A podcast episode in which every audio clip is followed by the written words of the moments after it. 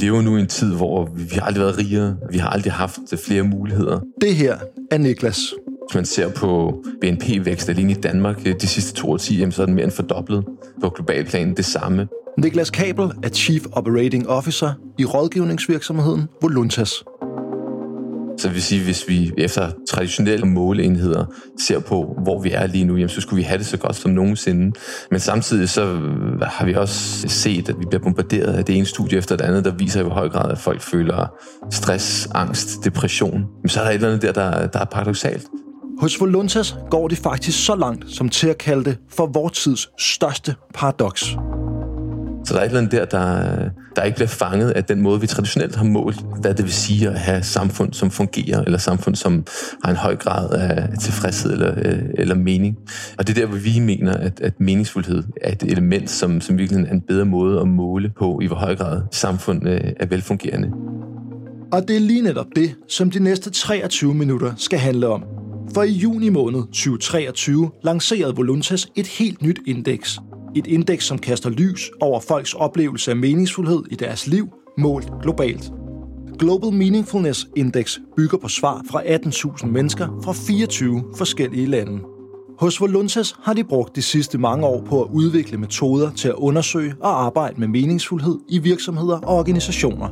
For der er en markant sammenhæng mellem manglen på mening og mental mistrivsel – det paradoxale i, at vi bliver rigere, samtidig med, at andelen af mennesker, som kæmper med stress, angst og depression stiger, har ansporet Niklas og Voluntas til at skabe et nyt indeks, der altså løfter sig fra arbejdslivet til en måling af den oplevede mening i livet generelt. Og det er det, vi dykker ned i nu. Jeg hedder August Dyrborg, og du lytter til tredje episode af Hvem løser fremtiden? En podcast fra DI Rådgiverne. Den her episode hedder Voluntas og vores tids største paradoks.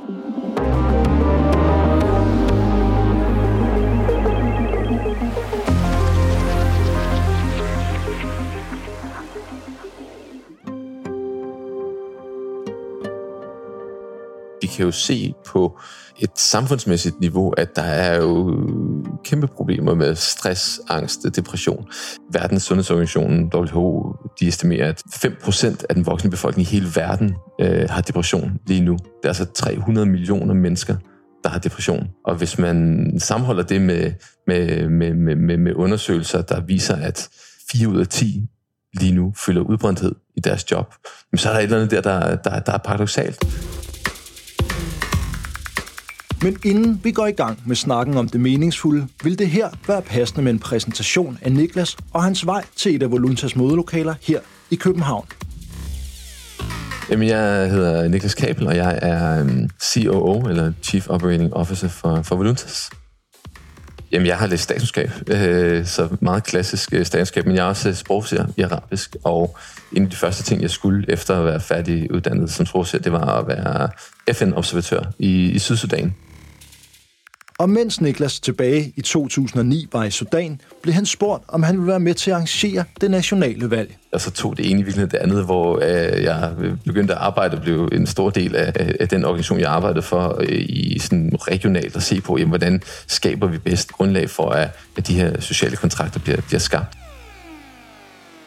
så øh, var i Sudan en, en del år. Jeg fløj så ind til Libyen øh, og var med til at afholde de første valg der. Øh, og var i, boede der nogle år. Flyttede til Jordan og var nogle år, og øh, har endt som de sidste fire år øh, indtil øh, midt 2020 og, og bo i Tunesien øh, arbejde med, med valg regionalt. Og det var her, at Voluntas og Niklas Spor krydsede hinanden men blev så en del af Voluntas på det tidspunkt. Fordi en stor del af det, vi, vi laver i Voluntas, er også at arbejde med, med aktører i de her mere øh, skrøbelige stater. Øh, altså understøtte deres beslutningstagen omkring, hvordan stater bliver opbygget. FN-agenturer, øh, Verdensbanken, øh, andre donorer, så lave analyser for dem, så de kan tage beslutninger, som er så faktabaserede som muligt. Men arbejdet i de forskellige internationale organisationer lærte også Niklas, hvordan fastlåste procedurer kan suge meningen ud af arbejdet. Jeg øh, har også arbejdet i store øh, organisationer, FN-organisationer, men også store internationale NGO'er, hvor der har sindssygt meget øh, arbejde, hvor man tænker, hvad i alverden sidder jeg laver lige nu? Jeg sidder og udfylder et eller andet dokument, og jeg ved, jeg ved faktisk ikke, hvorfor jeg skal, jeg skal det. Og ham eller hun, øh, som beder om det, ved heller ikke, hvorfor jeg skal det, men det står i manualen. Og det er jo øh, demotiverende og i høj grad øh, noget, der tager fra ens følelse af mening.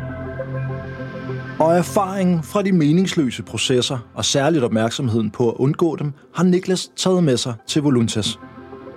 Det er også derfor, at den måde, vi har opbygget Voluntas på, er jo som et, øh, lidt et, et, et laboratorium. Altså, vi, vi vil altid stræbe efter at være øh, en lille bitte smule Icarus i vores tilgang til tingene.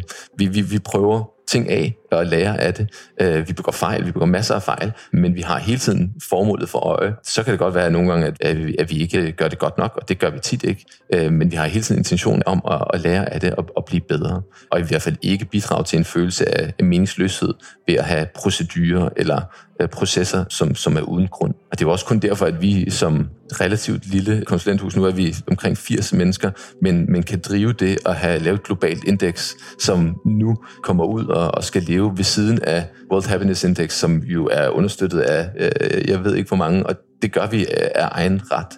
Øh, så det, det giver mig utrolig meget øh, mening og energi. Men inden vi koncentrerer os om det nye indeks, bliver vi nødt til at forstå, hvorfor de hos Voluntas mener, at meningsfuldhed er et begreb, som kan give et vigtigt og nuanceret billede af samfundets tilstand. Så vækst i økonomiske termer, det havde øh, været lighedstegn mellem det, og så at det gik bedre i et samfund. Og det har selvfølgelig også øh, skabt nogle øh, underliggende forhold, som har gjort, at folk har meget flere muligheder nu, på grund af deres basale behov er, er tilfredsstillet. Men netop det her paradoks, som som beskrevet, det viser jo, at det ikke er nok i sig selv. Indtil videre har man blandt andet brugt lykke som en indikator for, hvordan folk har det i et samfund. Men der er nogle ting, som lykke som måleenhed i Voluntas udlægning ikke fanger eller rummer. Det vi mener, der er vigtigt, det er at se på den der distinktion mellem øh, lykke, tilfredsstillelse og, og mening hvor at lykke, som vi jo især i Danmark øh, fokuserer meget på, fordi vi, vi, er, vi altid scorer højt, og nu kom øh, World Happiness Index jo netop ud, som jo viser, at, at vi i, i Danmark klarer os rigtig godt. Øh, vi, vi, vi er nummer to i verden i forhold til lykke. Men selv i Danmark kan vi jo se, at, at i 4 ud af 10 unge føler sig udbrændte på jobbet. Så hvis vi er så lykkelige, så er der noget paradoxalt der. De her to lidt modstridende forhold er et eksempel på, hvorfor de hos Voluntas mener, at lykke ikke er en så nuanceret måleenhed. Lykken er jo det øjeblik, hvor du føler et sammenfald af, af følelser, når du øh, oplever noget ekstraordinært. Det vil sige, at lykke er en, en ekstraordinær følelse. Og, og alene at sige, at det er ekstraordinært, jamen, så kan det jo ikke være det ordinære. Og det her fokus på lykke, mener Niklas kan have en bagside hvis lykke er noget, vi altid søger efter, jamen så kan det jo være noget, som i virkeligheden i højere grad kan lede til en følelse af, af depression eller stress, fordi det ikke er noget, der kan være det ordinære, fordi det netop er det ekstraordinære. Så der er noget tidsmæssigt der, som gør, at lykke ikke er det, vi ser som det bedste begreb i forhold til at definere, hvad der skaber gode, øh, velfungerende samfund. Udover lykke er noget af det, man bruger som måleenhed, tilfredshed. Men tilfredshed rummer ifølge Niklas flere af de samme begrænsninger. Tilfredshed, som der også er meget fokus på. Øh, vi ser mange tilfredshedsundersøgelser i, i virksomheder, men jo også øh, rundt omkring i, i organisationer. Øhm, jamen, tilfredshed er i højere grad tilfredsstillelsen af et behov. Hvis man er sulten, så spiser man, så, så bliver man tilfreds. Øh, hvis man er tørstig, så drikker man. Og det er lige netop her, at mening kommer ind i billedet. Men mening øh, kan i virkeligheden transcendere de her begreber, fordi det giver mulighed for at føle øh, modsatrettede følelser. Du kan ikke både være tilfreds og utilfreds på samme tid. Du kan ikke både være lykkelig og ulykkelig på samme tid. Øh, men du kan faktisk godt føle mening og være utilfreds. Du kan godt føle mening og være, være ulykkelig. Der er ingen tvivl om, at det meningsfulde er jo et, et, et relativt begreb, og øh, i virkeligheden baserer sig meget på, hvad, hvordan man føler. Så derfor, så, øh, fordi det er relativt, så er det heller ikke noget, som vi definerer uh, ud fra objektive termer.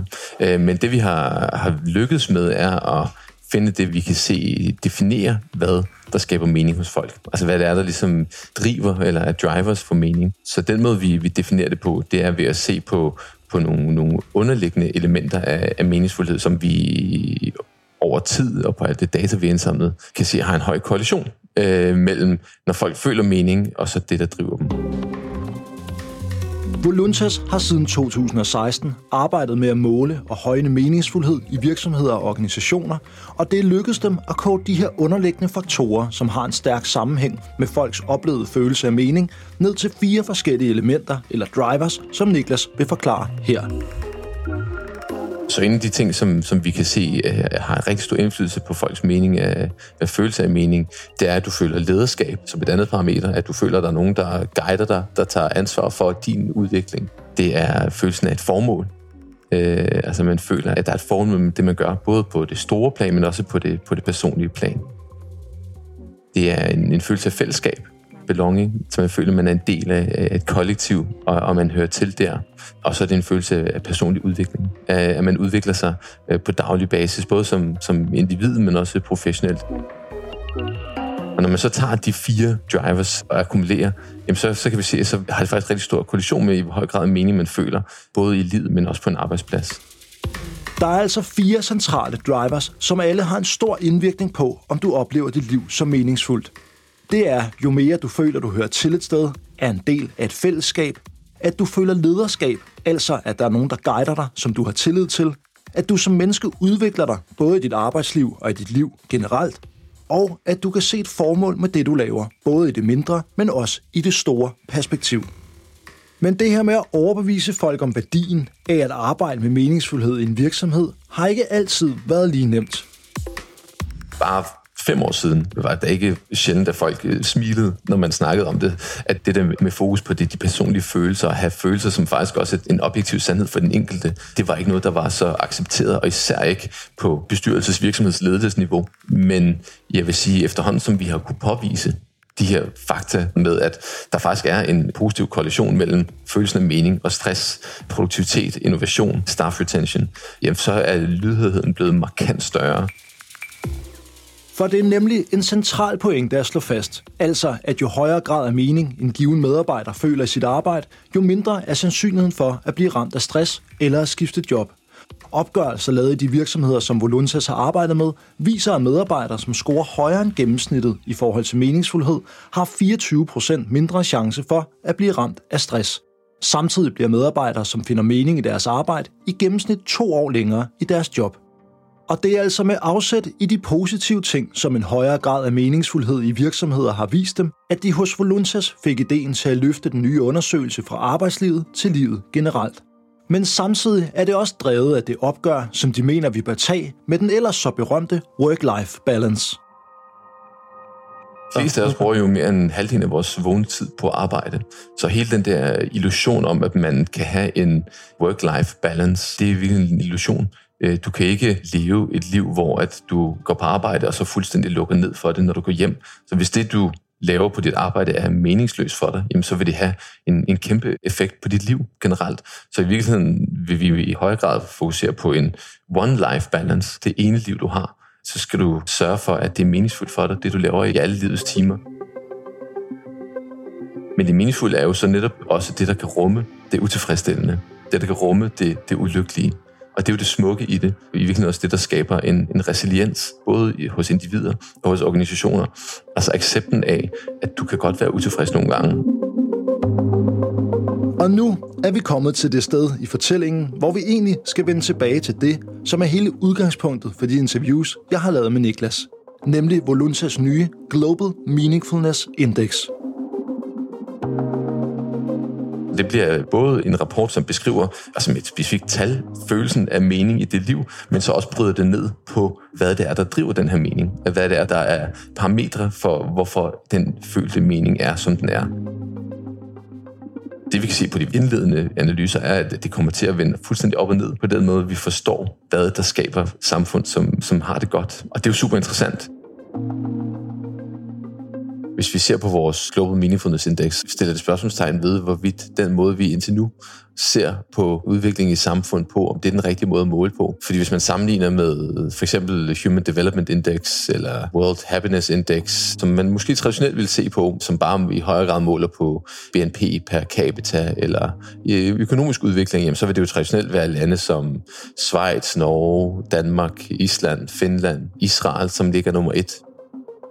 Men når man altså ændrer måleenheden til folks følelse af mening, ændres billedet ret radikalt med vores Global Meaningfulness Index er det virkelig vendt meget på hovedet.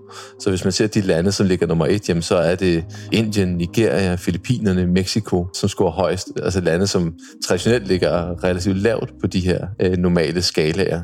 Så det er jo super interessant, fordi alt andet lige så har vi som sagt ikke brugt nogen objektive kriterier og sagt, at det er afhængigt af, hvor mange der går i skole, eller hvor mange der har mulighed for at købe en bil, eller har mulighed for adgang til sundhedsvæsen, men i høj grad fokuseret på folks individuelle følelse af, af mening i livet. Og når man spørger om det, jamen så er skalaen helt anderledes. Så det er jo super interessant for os at se på, jamen, hvad betyder det for den måde, vi tænker udviklingen i samfundet på, og øh, i hvor høj grad kan vi være med til at informere det, og give input til tanker omkring, hvordan man bedst opbygger samfund, som, som skaber så meget mening for folk som muligt. Det nye indeks bygger på de erfaringer, Voluntas har med at måle meningsfuldhed i andre sammenhænge, men her i en større skala med et andet sigte det så vi har 18.000, vi har spurgt den her gang. Og så på baggrund af de statements kodet ned til en score i hver af de her lande. Så det er i virkeligheden at gå ud og, og spørge folk, jamen, øh, i hvor høj grad føler du en, en stærk følelse af lederskab i dit liv? Og så kan folk svare på en skala fra 1 til 10. Øh, stoler du på de ledere, der er i dit liv, og at de arbejder for, at du bedre kan opnå det formål, du føler, du har i livet? Øh, igen, det du føler, du har i livet. Så det er ikke noget med at definere, hvad et formål i livet er, men føler du det? Føler du, at du bliver hørt, og at din mening tæller fra en skala til 1 til 10? Så alle de her er så summet sammen og bliver øh, aggregeret til en indeksscore. En af de ting, som vi har gjort lidt anderledes den her gang, er, at vi faktisk også har spurgt folk om, hvilken af de fire drivers, der er vigtigst for dem. Så hvad er det, der er det vigtigste for dig i forhold til at skabe mening i dit liv? Er det formål? Er det fællesskabsfølelse, altså en belonging? Er det personlig udvikling? Eller er det lederskab? Og vi har så faktisk på individniveau vægtet svarene afhængig af, hvad folk synes er vigtigt. Så det er ikke os, der siger, at hver driver vægter lige tungt, men det er meget afhængigt af den enkelte. Så det kan godt være, at jeg for eksempel synes, at en følelse af formål i livet er det vigtigste for mig. Men hvis jeg så scorer meget lavt i det, så vil det selvfølgelig have en ret stor indflydelse på min generelle følelse af mening i livet, hvor at, at det kan være omvendt for andre. Så derfor så har vi faktisk også vægtet folks svar afhængig af deres individuelle svar på, hvor vigtigt de her forskellige drivers er for dem. Så det bliver en meget personlig baseret score, som så aggregerer sammen til en landscore selvfølgelig. Men hvem er det så, de har spurgt, og hvordan er de udvalgt? Det er folk generelt, både på og uden for arbejdsmarkedet. Den måde, vi har indsamlet data på, det, det er gjort online, så der er helt sikkert en bias, som vi også er meget bevidste om. Men fordi det er indsamlet online via online spørgeskemaer øh, via internettet, vil der selvfølgelig være en, en bias mod folk, der har adgang til internettet til at starte med. Men hvordan har de valgt, hvilke lande der skulle være med, og ud fra hvilke kriterier? der har vi udvalgt dem øh, på en sådan måde, at vi kunne berøre lande, som både geografisk var, var spredt ud, så at vi kunne sikre os, at vi havde en, en nogenlunde repræsentation af alle verdensdele. Så det er altså alt fra Argentina til Spanien, til Sudan, til Nigeria, til New Zealand, til Mexico, til Libanon.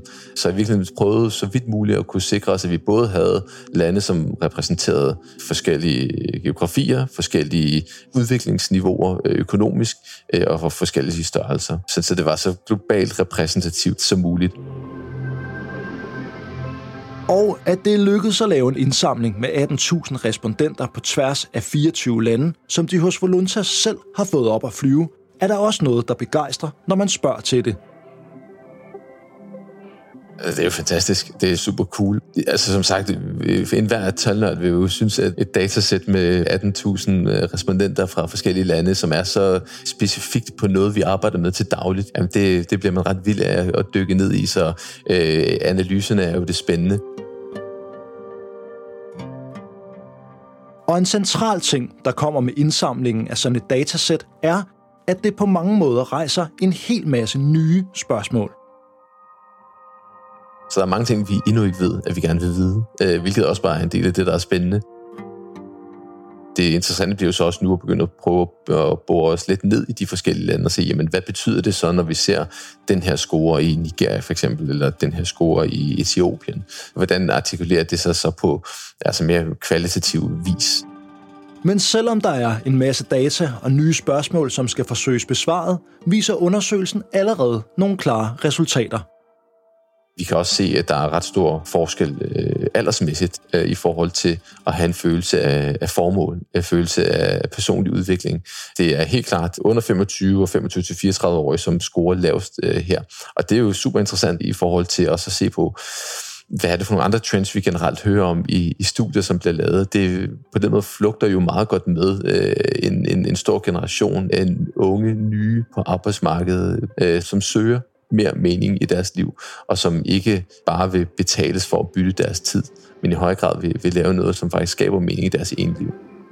Men her er det også vigtigt at indskyde, at det ikke er fordi Voluntas mener, at de har fundet en bedre måde at måle på. Den centrale nuance består i, at det nye indeks dækker noget, som de andre ikke på samme måde fanger. Vi siger jo ikke nødvendigvis, at det er meget bedre dækkende, men vi siger, at det dækker noget, som indtil nu ikke er blevet dækket. Øh, noget, som helt klart er vigtigt at dække. Som sagt, vi har aldrig været rigere, vi har aldrig haft flere muligheder, end vi har lige nu, hvis man ser på udelukkende økonomiske parametre. Men vi har heller aldrig haft så mange, som lider af stress, angst, depression. Så der er jo et eller andet der, apropos det paradoks, som vi har talt så meget om. Nu er det altså lykkedes Niklas og hans kolleger at lancere det første globale meningsfuldhedsindeks. Og i forhold til, hvad vi er vant til at se, når det kommer til at måle samfundsudvikling, vender det her altså hierarkiet på hovedet. Derudover viser indekset, at det globalt set er de yngste generationer, som oplever den mindste grad af meningsfuldhed i deres liv. Men hvis vi tager det lidt længere lys på, hvordan ser de så hos Voluntas de fremtidige perspektiver? Det er da helt klart vores ambition, at vi kan få andre øh, like-minded med, som også synes, det er interessant at være at se på, så vi kan lave et 2024-indeks, som øh, ikke kun dækker 18.000 respondenter, men som dækker alle verdens lande, 193-194 lande med øh, et repræsentativt udsnit af alle befolkninger. Det er da helt klart vores mål, fordi så kan vi jo også begynde at bruge det som et policy-instrument, hvor det kan skabe input til politikere og beslutningstagere omkring samfundsmæssige indretning beslutningsmodeller, og hvordan beslutninger omkring det har indflydelse på folks følelse af mening i livet. Og vores målsætning er jo, at hvis vi bare kan skubbe øh, lidt til den måde, man forstår, hvad der definerer velfungerende samfund på, jamen så er vi kommet lang vej. Der tror vi på, at meningsfuldhed er det, som, som lige nu bedst kan definere det. Øh, og det vil vi meget gerne have højere på agendaen. Har lyttet til tredje episode af Hvem løser fremtiden? En podcast fra DI Rådgiverne. Denne gang om Niklas Kabel og Voluntas arbejde med at undersøge, kvantificere og accelerere samtalen om meningsfuldhed, og derved skabe et grundlag for, hvordan samfund verden over på sigt kan højne meningsfuldheden og sænke den mentale mistrivsel. På den måde er forhåbningen hos Voluntas, at deres nye meningsfuldhedsindeks kan være en del af et første skridt på vejen mod at komme nærmere nogle løsninger på det, de altså kalder vores tids største paradoks. Afsnittet var tilrettelagt af Daniel Vognstrup og mig. Jeg hedder August Dyrborg. Daniel har også stået for klip og den musik, du hørte undervejs. Tak fordi du lyttede med.